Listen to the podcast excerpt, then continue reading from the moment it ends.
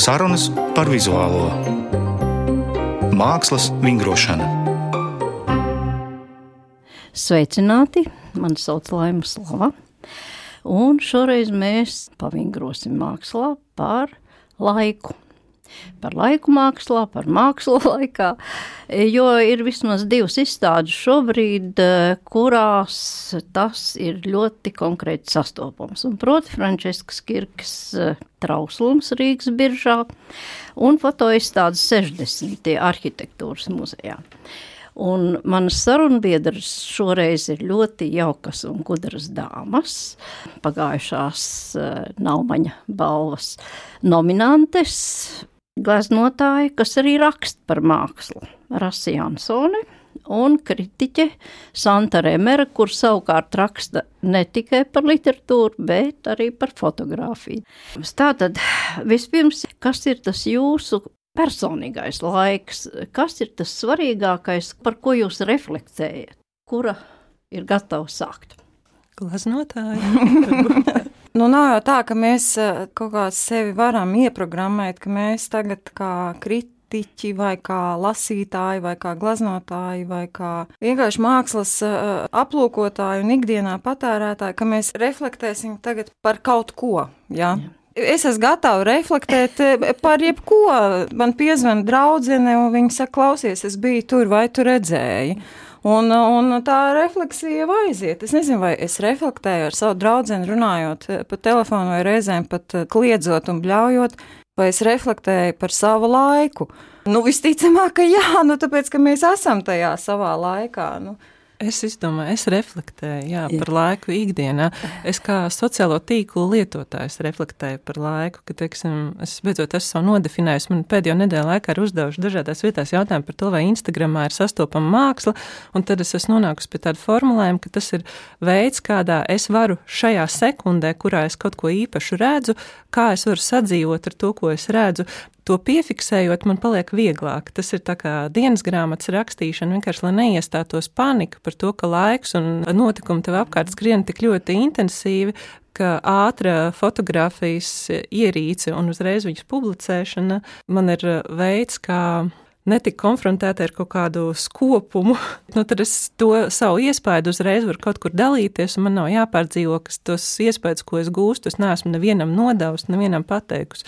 Nu, iespējams, ka manas attiecības ar laiku ir diezgan satrauktas, un panika varētu būt raksturojošais veids, un tad es izmantoju tos aparātus. Bet tu bildē, un tu uzreiz publicē? Ja? Visbiežāk, jā, nu citreiz ir arī kaut kāds tas reminiscences brīdis pēc tam, kad tu atceries, un bija šis moments vai šī saulainā diena man asociējas ar, ar to brīdi, vai tagad es jūtos tā, es izmantoju savu attēlu vienkārši šavas, šī brīža emociju paušanai.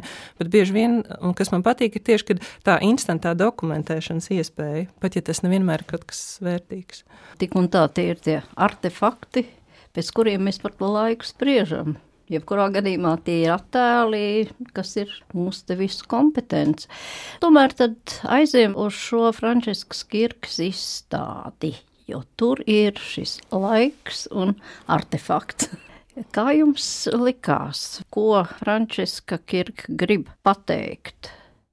Nu, viņai patiesībā vienmēr ir bijis raksturīgi izaicināt uh, un uh, sastapties tiešām ar senatnieku radītiem mākslas darbiem, kuri šodienā var parādīt savu pavisam kaut kādu greizā spoguļa seju. Bet šī gadījumā viņi ļoti konkrēti runā par trauslumu un par to, ko laiks padara ar mākslas darbu.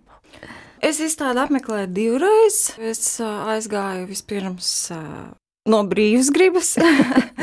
Jo man vienkārši ļoti patīk birža. Man ļoti patīk tas muzejs. Jā, tas ir patīkami tur atgriezties. Jā, tas, tas tā ir lieliski vieta, kur vienkārši būt. Jā. Un arī manai meitai un manai māsītes meitai tur patīk, kas um, ar bērniem tādā patsmitnieku vecumā ir diezgan sarežģīti. Tas ir brīnišķīgi, ka viņiem kaut kur patīk. Un pēc tam es aizgāju otrais pēc jūsu uzaicinājuma piedalīties šajā raidījumā, un tad es aizgāju ar blociņu un ar rakstāmo un, un ar ieslēgtu telefonu, kas, protams, ir pilnīgi cita veida skatīšanās. Nu, lūk, Man likās, ka beidzot Kirkas māksla ir īstajā vietā nonākusi, ka viņa ir tur, kur viņai jābūt, un ka beidzot ir skaidrs tāds konceptuālais rāmis viņas nu, kā mēs to teiksim, pirmās paudzes postmodernisma uzstādītājai, jā, Latvijas vizuālajā mākslā. Tas viss kopā skan ļoti pārliecinoši. Ir nācies redzēt viņas eh, izstādes eh, galerijās. Un tur vienmēr ir bijusi man tā sajūta, ka vai nu kaut kas pietrūkst, vai ir kaut kas pa daudz, ka tas līdz galam kaut kā tā nenostrādā. Bet šeit viss bija tiešām savā vietā. Tas ir pirmais iespējas. Man pirmkārt likās, ka tā ir drīzāk intervence, nevis tā kā izstāde. Es jūtu tādu aktīvu viņas eh, darbību un iejaukšanās teiksim, tajā muzeja tās mākslas ekspozīcijas realitātē, kur man, diemžēl, nav pārāk aizsniedzama. Tieši tas pats muzejs, tu saki, tev patīk, bieži man arī patīk, man, man patīk pēc tas muzejs, kā viņš izskatās un tā, bet es bieži vien jūtos eh, nekomfortabli, nu, burtiski tas eh, zilonis trauku veikalā, ka man ir sajūta, ka es ar tām vitrīnām urnām un vāzēm, un es eh, ne tikai fiziski kaut kā viņām traucēju, bet es arī neesmu pietiekami izglītot, lai patiešām novērtētu katru šī no Azijas nākušā artefakta mākslas darba vērtību. To, teiksim, apmeklējot uh, muzeju kopā ar kaut kādu zināšanu bāzi vai gatavojoties tam, tas ir svarīgāk un nozīmīgāk, bet es bieži vien jūtos tā, ka tur ir tik daudz priekšmetu, par kuriem es neko nezinu, un es sev mazliet tā kā muļķoju. Un tad šī uh, Kirks piedalīšanās un viņas uh, intervence šajā ekspozīcijā saspēlējās ar manu iekšējo sajūtu par to, kā es apmeklēju šo muzeju kad eh, es eju garām tām vāzēm, baidoties ar savu lielo somu, kādu neapgāzt, un te pēkšņi ir tā viena saplēstā vāze. Un es beidzot jūtos atbrīvota. Un tā vāze ir ielikta vitrīnā, tā saplēstā Jā, vāze, un es saprotu pat arī atsauci, jo es labāk orientējos laikmatīgajā mākslā. Es saprotu, ka tas ir par vai Veja performanci, un man saslēdzas kopā un es atpazīstu Maudzi Dunu un tā. Līdz to man šis bija vērtīgs vienkārši arī paša muzeja atklājums un perspektīva, kā es varu īsumā novērtēt arī pašu pārējo ekspozīciju nevis tikai vest savu bērnu skatīties mūmiju kā kaut kādu sensāciju. Jā, bet mūmija ir sensācija vienmēr pareizi. Tā ir sensācija vienmēr arī man, tā istabiņā tu uz viņu skaties. Labi, bet mēs novirzamies. Jā, nu, nekas, Frankas darbs bija turpat blakus, jā, jā, tā jā. kā viņš aizved jebkurā gadījumā. Bet, eh, piemēram, vai visi šie darbi kaut kādā mērā atsaucas arī uz tādām laikmeta nelaimēm? Jūs tas pārliecināja, vai arī tas varbūt likās kaut kā pārāk uh, uzsvērti un gandrīz vai pašsaprotami. Taču, lūk, šis senās mākslas ietvars, jā, it kā to aktualizē kaut kādā trešajā jau pakāpē. Jā, tas bija ļoti intensīvi patiesībā tā pieredze, un tā dialoga tur bija ļoti daudz un par patiešām dažādām nelēmēm. Gan par sociālām kataklizmām, gan, teiksim, atsaucas uh, uz uh, otrā pasaules kārtu, uz uh, ebreju grautiņiem kristāla nakti. Jā. Patiesībā mazliet komfortablāk es jutos tajā Āzijas telpā, kur uh, netik tieši uh, es biju uzrunāta, bet kur viņi apskatās arī tādu tā kā Eiropiešu koloniālo ietekmi un mūsu attieksmi tieši pret šo Āzijas mākslu. Es teiktu, ka pie katra darba bija tā kā citādas tās sajūtas, un tad, kad es nonācu līdz Eiropiešiem, man jau kļuva mazliet grūtāk, arī tāpēc, ka es esmu šobrīd salasījusies ar Ansjēru, tieši izlasījusi grāmatu par to, ka nekādas apakalipses nav, ka mākslā mēs neko nezaudējam, ka viss turpinās, ka māksla māksla vienmēr apspēlē pati sevi, un kā teica uh, Dišāns, ka tā māksla ir saspēle starp visiem cilvēkiem visos laikos, un uz šīs nots, kurām liekas, ka viss ir kārtībā, un tad es redzu, ka Kirka mazliet taisa tā tādu drāmu, kas jūt tās bailes, ka mēs zaudēsim, ka mēs nenovērtējam šos mākslas darbus, ka mēs viņus vairs neprotam interpretēt. Un, un tas man mazliet satrauc, man bija par spēcīgu. Kā, jā. tā nav pirmā veida tāda izstāde, ja, ka, ka tev ir jāstaigā pa ekspozīciju, un tu meklē, kur ekspozīcijā ir noslēpti tie izstādes darbi. Un tas ir ļoti jauki. Un tiešām pie katras tās noslēptās vietiņas ir teksts kur skaidrā latviešu un skaidrā angļu valodā ir uzrakstīts, lūk, un ja mākslinieks pie tā sava darba noliek tādu tekstu, viņam tiešām ir jārēķinās ar to, ka godprātīgs skatītājs visu cītīgi izlasīs uz vietas, nofotografēs, aizies mājās, vēl izlasīs, ja, un, un pārunās ar, ar citiem. Jā, man laikam bija iebildes tieši ar šiem tekstiem un tieši pie viena konkrēta darbiņa, pie Meisēnas porcelāna, kur skan tā brīnišķīgā mūzika un kur fonā šķīstas porcelāns. Un tas bija tieši tas teksts, jā, par ko Santa arī pieminēja, ka tā ir otrā pasaules karā visas tās bādas un šausmas. Bet tekstā bija pavisam viena konkrēta vieta. Man liekas, ka tas ir tāds mazliet par pusaudzisku, tas izbrīns, kas ļoti disonē ar Frančiskas Kirkas mākslu. Tur bija teikums, tas ir stāsts pārdoms par nāciju, kas radījusi izcils dzēniekus, mūziķus un filozofus, bet nonākusi arī līdz kristāla naktī pirms otrā pasaules kara. Par vācu sievietēm, kas audzina dēlus, kuri tajā piedalījās. Šeit tekstā ir punkts kad es, es uzdros kaut kam šādam, es jūtu, man pilnīgi saules spinumā sažņaudzās. Ja? Un, un te ir divas problēmas, manuprāt.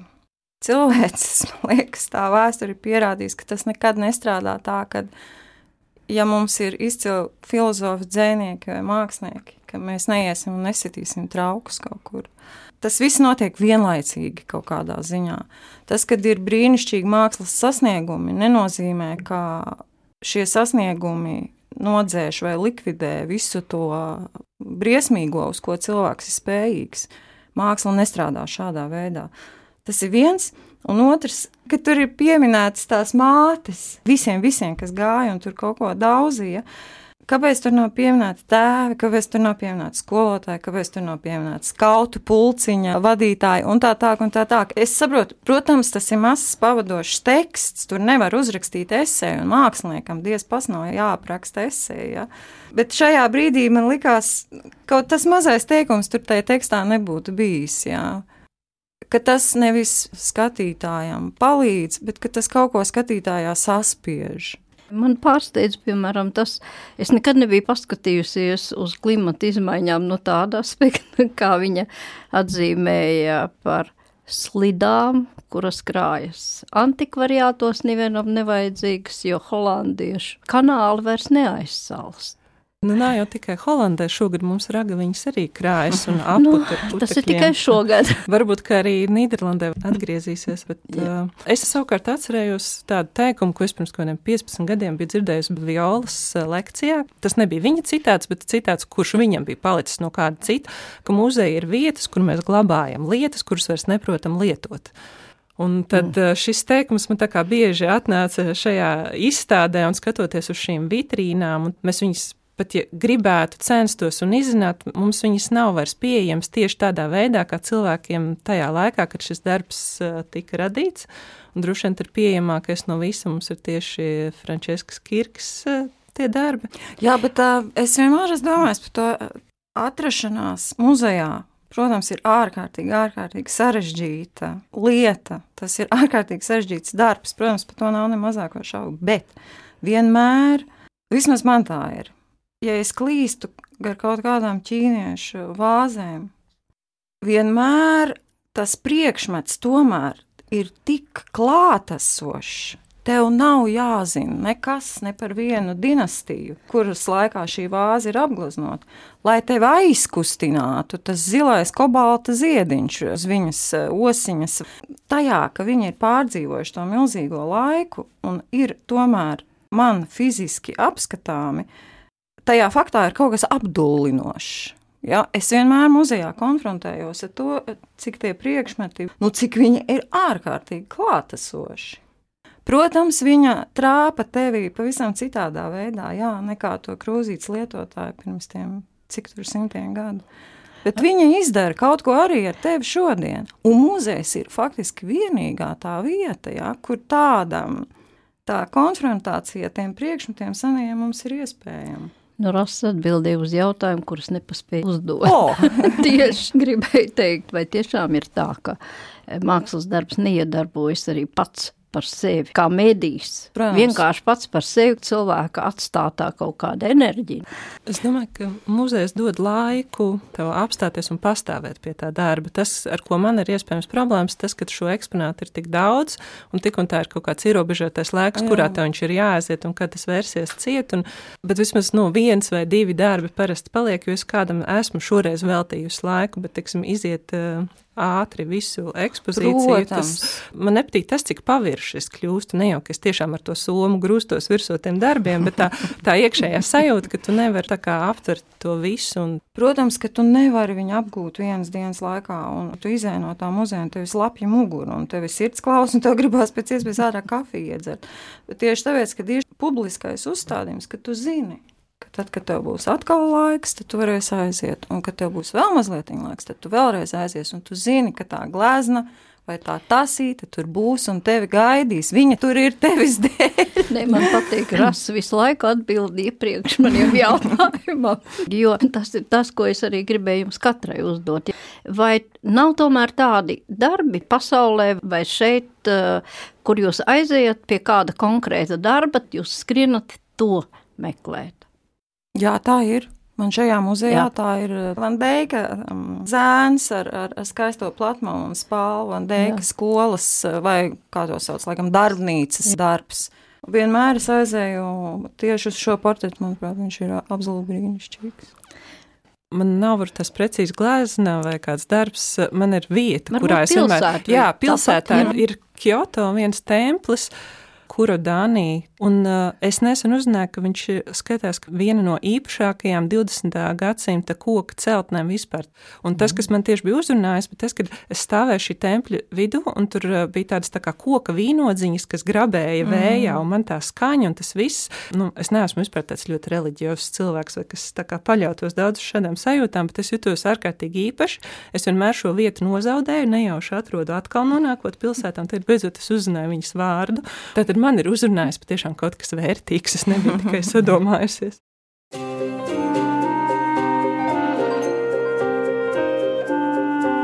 Mākslas vingrošana. Mans sarunbiedrs tātad gleznotāja Rasa Jansone un kritiķe Santa Remere. Varētu sākt arī ar jautājumu tev, kāpēc tu mācījies fotografiju Japānā, kaut arī it kā literatūras kritiķe. Jā.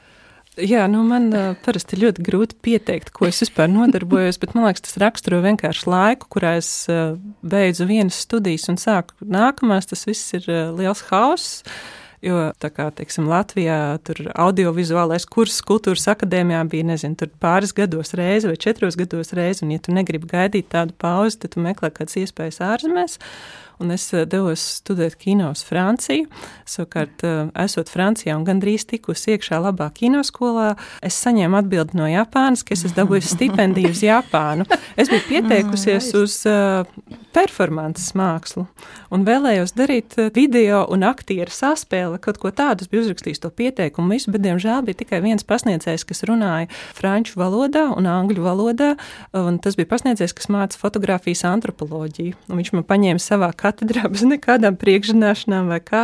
Tikai tāpēc, ka viņš vienīgais spēja ar mani sarunāties, un es nonācu pie vienkārši brīnišķīgi ļoti spēcīga cilvēka, pie Čihiro Minato, kas ir parasti Japāna, tur, piedalās, teiksim, Venecijas bienālē. Viņš ir tā kā komisārs, organizētājs tam, kurš apzinās savu to Japāņu kultūru un spēj viņu prezentēt arī Eiropiešiem. Un, Un es biju ļoti iespaidot no visu, ko viņš mums stāstīja. Es kopā ar viņu skatījusies tiksim, daudzas izstādes un iepazinos fotografiju ar šī senseja palīdzību, kas nāca negaidīti. Un mēs tajā laikā aktuāli runāt par arhitektūras fotografiju. Līdz to otrā muzejā es jutos ļoti komfortabli. Tas bija neliels muzejs, maza ekspozīcija ar brīnišķīgiem darbiem, kurus es sajūtu un saprotu, un kas man ir pazīstami, par kuriem es spēju gan domāt, gan, gan just. Un tas tas ir lieliskās fotografijas no 60. gadiem ar Rīgas arhitektūru, kas brīžiem izskatās ļoti moderna un brīžiem tik pazīstama. Un, uh, man patika vienopus redzēt daudz Vladimira Gaļa. Tas darbus. ir arī veltījums viņam Jā. patiesībā šī izstāde. Jā, viņam tā kā fotogrāfam. Mm. Lielākā vērtība, jā, bet ieraudzīt šīs viņa fotogrāfijas, jo ar Brāšmanas un pārējo fotografu darbiem tas bija vairāk pazīstama, ko arī ir patīkami redzēt, bet tos es jau tā kā zinu un esmu redzējuši. Līdz šim es teiksim, daudz redzēju kādas lielpilsētu arhitektūras fotografijas, un Rīgas skati liekas tik pazīstami, ir forši ieraudzīt atkal jaunus rakursus un ieraudzīt arī Rīgas to modernitāti. Mēģinājām atrast Rīgas ritmu, Rīgas leņķus. Rasa vēl kaut ko pateiks. Jā. Man arhitektūras muzejs arī ļoti patīk, tieši tāpat kā man ļoti patīk birža, kaut gan, jā, tieši kā Sanda jau teica, tie ir nu, radikāli, pilnīgi pretējas tāpas, kurā izstādīt izpildīt mākslu. Man ļoti patīk tie abi manteļas kursteņi. Es vienmēr tur nostājos, un man tiešām ir, tu jūti tur caurvējuši vienmēr. Tā kā velk uz augšu. Es pilnīgi jūtu, ka man, man rauj tur iekšā tajās kurstenī. Un vienmēr ir burvīgi skatīties, ka viņš ir nokavēpis, un ka tur ir tie zirnekļa tīkli, un, un cik labi, kad viņus katru dienu neaizslauka kāda pārāk rūpīga un gādīga roka prom. Un, protams, skatīties tās fotogrāfijas bija brīnišķīgi. Bija ļoti daudz cilvēku, es biju darbdienas vidū, tā mhm. telpa bija pilna cilvēkiem. Bildītes ir mazas, viņas jāskatās ļoti tuvu, lai tiešām izpētītu visu, lai izskaitītu bildītē, cik tad ir tie bērnu ratiņi nolikti tajā bildē, kur ir uzrakstīts, ka bērnu ratiņu stāv laukums. Ja? Nu, labi, bērnu ratiņu novietni noteikti tā tur bija uzrakstīts. Lūk, un cilvēki komentē šīs bildes. Un ne tikai cilvēki gados, ļoti daudz bija jaunu cilvēku. Es biju tiešām pārsteigta. Protams, Brašmanis zināju, bet Gailis nezināja. Man viņš bija tā kā atklājums, šis te autors. Man liekas, tas visiem būs pārsteigums, kaut arī viņš faktiski visas gaitas ir sācis kā fotogrāfs kara laikā jau. Bet es skatoties to izstādi, uzkrita tas, ka Rīga un 60. gadi, tas ir ārkārtīgi konkrēts stilistisks uzstādījums. Nu, es esmu dzīvojis tajā laikā gal galā. Es tādus rakursus tieši, es, protams, neatceros, ja?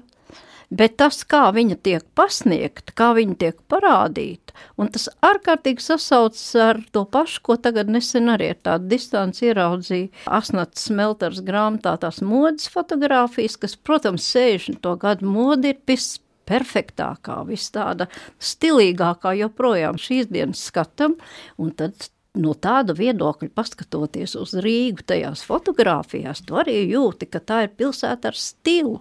Arī ar laikmetīgās arhitektūras, nu tā laika stilu. Kaut arī iespējams, ka realitātē nekas tāds nebija. Tātad, ko fotogrāfs var izdarīt? Kā jūs nu, domājat? Fotogrāfi šajā gadījumā, liekas, ir ļoti poētiski visi.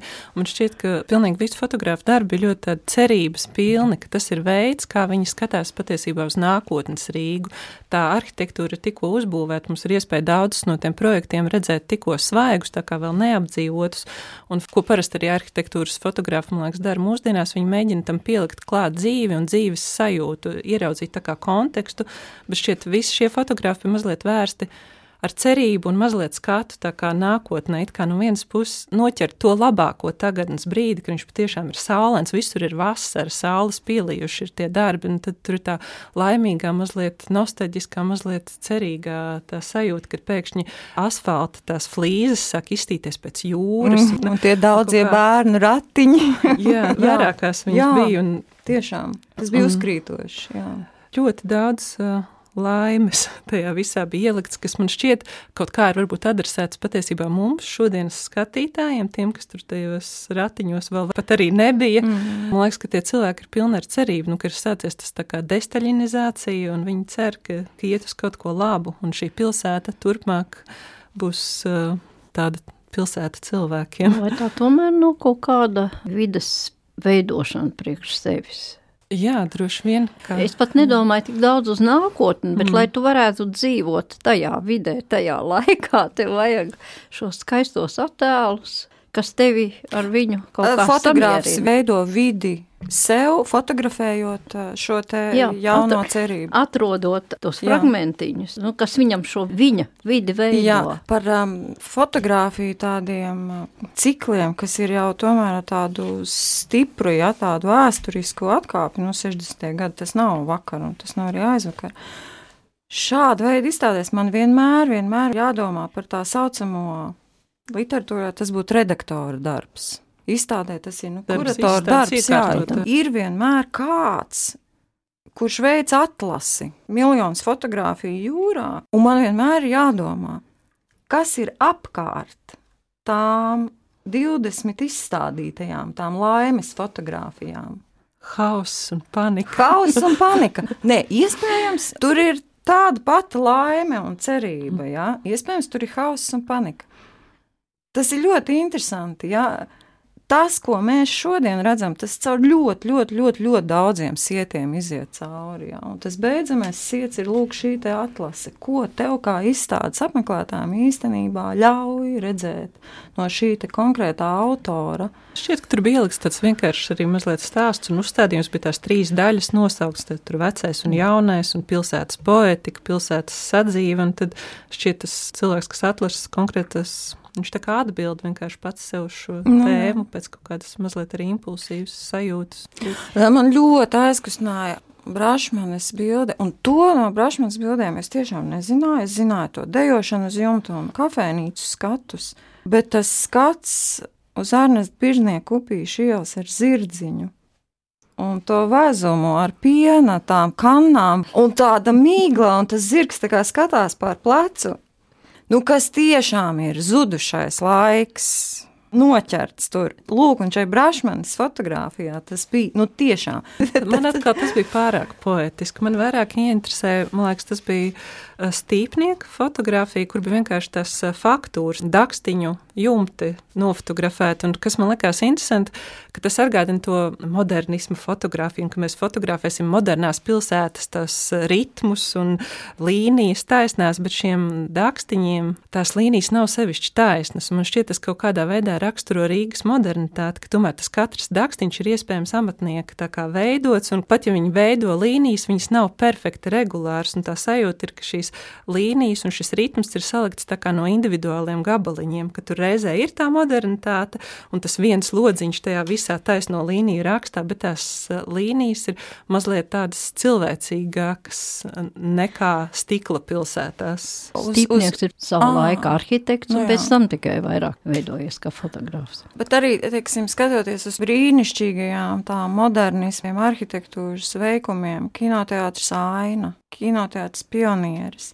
Kaut kādā ziņā tur ir tas pats, tas nostalģiskais nervs, kas ir tajā zirdziņā, tām piena kanām, jo viss nav šo vietu, viss viņas ir. Uh, Mums ir dažādas pieredzes, jo tu apmeklē ar citiem cilvēkiem, kas arī skatījās un meklē iespējams nostalģiski tās vietas. Es apmeklēju ar diviem vācu turistiem, arhitektiem, kas skatījās bez nekādas šīs pilsētas mhm. pieredzes. Mm. Iespējams, tā ir viena no pirmajām vietām, ko viņi vispār apmeklē Rīgā. Viņi atbraukuši uz arhitektūras muzeju, apskatīties arhitektūras fotografiju. Viņi meklē to modernitāti un cenšas saprast. Viņas tīri estētiski patīk šīs melnbaltās fotografijas, pat ja šīs konkrētās vietas viņiem sevišķi daudz neizsaka, tikai to padomisko, to 60. gadu noskaņa un tā. Vēl viena cita tēma, ko es arī atcerējos vienkārši no viena tāda ievērojama Japāņu arhitektūras fotogrāfa Hataki Jama. Viņš savu vienu izstādi sauc par um, dabas zīmuļiem, un viņš saka, ka viņa mērķis ir kā fotogrāfam pārzīmēt arhitekta ideju. Ar savu fotoaparātu viņš grib atrast tās pašas līnijas, ko arhitekts iespējams ir ielicis šajā rasējumā un katru reizi mēģinot tās pārzīmēt, viņa prāt, ir iespējams notvert kaut kādu ideju par šo māju. Bet man gribas eh, no jums vēl labām dzirdēt, ko laiks ir izdarījis ar katru no tiem mēdījiem, ar kuriem jūs esat vistuvākās attiecībās. Jo, piemēram, glezniecība, rasa, kas ir tava joma. Šodien viņa ir kaut kā savā veidā aizgājusi otrā plānā. Kāpēc tu tomēr izvēlies? Tas ir pamatā jautājums. Neskatoties uz to, ka laiks it kā spiež uh, uz citām izpausmēm. Šis ir uh, tāds apgalvojums un sauklis, par ko es esmu lauzus jau šķēpus uh, dažādos lokos, tu, draugu gleznotāju lokos, mākslinieku, kas nav gleznotāju lokos. Es nepiekrītu. Es nepiekrītu, ka glezniecība ir atkāpusies. Pilnīgi noteikti nē. Manuprāt, viņa ir, kā Santa sākumā teica, par visu mākslu, ka viņa ir dzīvāka par dzīvu. Manuprāt, arī glezniecība šodien ir dzīvāka par dzīvu. Tas, kas ir mainījies, ir nākuši vēl ļoti daudz mēdīju klāt. Ir paplašinājies vienkārši lokus, ir paplašinājies uh, instrumentu areāls, ja tā var teikt. Ja? Tu vari taisīt instalāciju, tu vari darīt jebko. Glezniecība ir viens no, kas vēsturiski ļoti ilgu laiku bija viena no nu, retajām, jā, bet tagad galvenais. viņa ir viena no daudzajām, bet viņa ir turējusies vienkārši brīnišķīgi. Un tas, ja, ja seko līdz procesiem pasaulē un tam, kas notiek, viņa nekur nav pazudusi, viņa visu laiku tās glezniecības robežas manā uzturē vēl ar vienu viņas tiek paplašinātas. Jā, lūk, tas faktiski tas, kas man interesē. Tā jau ir, protams, viņa nekur nepazudīs, bet kas ir tas, ka tu saproti, ka visu laiku tev joprojām ir, ir iespēja būt kaut kam pilnīgi unikālam, kā personībai, un izpausties glezniecībā, kurā visi Ak, Dievs, kas tik tur nav izpaudušies? Lūk, un tieši tas, man liekas, šodien mūsu laikos ir glezniecība, ja tu nodarbojies. Tev ir jābūt attīstītai melnā humora, tādam nervam, ja? jo es piekrītu, gleznot pasaulē, kur ir gleznojis Rembrandts, visi šie milži ir ļoti sarežģīti, tā pašā laikā ārkārtīgi interesanti un pat jautri. Es teiktu, jo es esmu runājis, protams, ļoti daudziem glaznotājiem, kā uz tevi mēdz iedarboties mākslas darbs. Laba glazna. Ļoti daudz man teikuši, ka tu to ieraugi, tev sāk niezēt rokas, un tu gribi skriet un gleznot. Tas ir tāds nebeidzams stāsts īstenībā. Tu turies pie tāda diedziņa, pie kura vienā galā vēl ar vienu var just, ka pie šī diedziņa turās arī Rembrandts, piemēram. Un tu turies pie tā paša diedziņa, glaznojot, un tu jūti, ka tur siltums nāk ja, caur to diedziņu. Un vienalga, kas tev tur galā sanāk, un tev galā nesanāk nekāds Rembrandts, un tev vienkārši tas nav iespējams. Ja? Bet tāpat tu negribi atteikties no šī siltuma, ko tu saņem, turoties pie šī diedziņa. Un, lai tu tiešām pie viņa turētos, fiziski turētos, tev ir fiziski jāglazno, tev ir jābūt šajā procesā. Tikai tad tu saņem to siltumu. Un tas ir pavisam citāda veida siltums nekā tikai skatoties uz glāzi. Arī tas ir siltums, bet Jā. tas ir citādi. Nu, un ļoti daudz cilvēku vienkārši viņi nav ar mieru nu, atteikties no tā. Skaists formulējums. Un tad noslēgumā, piemēram, fotografija, kura visu laiku ir bijusi atstumta. Kaut arī viņa ir eksistējusi visu laiku, bet pie mums viņa vienmēr ir bijusi. Pat muzejs tikai pēdējos gados varbūt sāk kaut ko pirkt savai kolekcijai. Ja? Tā tad fotografija šodien. Fotogrāfija man šķiet vienkārši no daudzām tiksim, citām senākām mākslām, arī īpaši ar to, ka ir iespējams izsekot sākotnēji no pirmajiem cilvēkiem, kas sāk ar to nodarboties, pirmie, kas to sāk uztvert par mākslu. Un, uh, ir patīkami būt kontrolē par šo procesu, kaut kādā ziņā saprast, kā viņš ir attīstījies un vērot jebkuras arī citas nākamās jaunas mākslas iespējamo augšanas procesu. Un fotografija ir pašā savā tādā briedumā un, man liekas, stabilā vietā, un viņu saprot gan populāri, gan individuāli. Es nezinu, varbūt tās, ka Rīgā mēs kaut ko reizēm iekavējam, bet es, es īsti nezinu, vai ir Jā. kāda problēma ar fotografiju. Es pat nedomāju, ka problēma, Jā. bet tā kā tu raksti par fotografiju, tad tev noteikti ir savs uh, skats uz to, kas šodien šeit pie mums fotografijā notiek. Un šķiet, ka ienāk svaigas vēsmas. Tātad paldies! Studijā man viesis šoreiz bija kritiķa Santa Remere, un gleznotāja Rasa Jansone. Un mēs šoreiz runājām par laiku mākslā, par mākslu laikā un mākslas attiecībām ar laiku. Sarunu vadīja Laima Slava no Neputna. Raidījums tapis ar valsts kultūra kapitāla fonda atbalstu.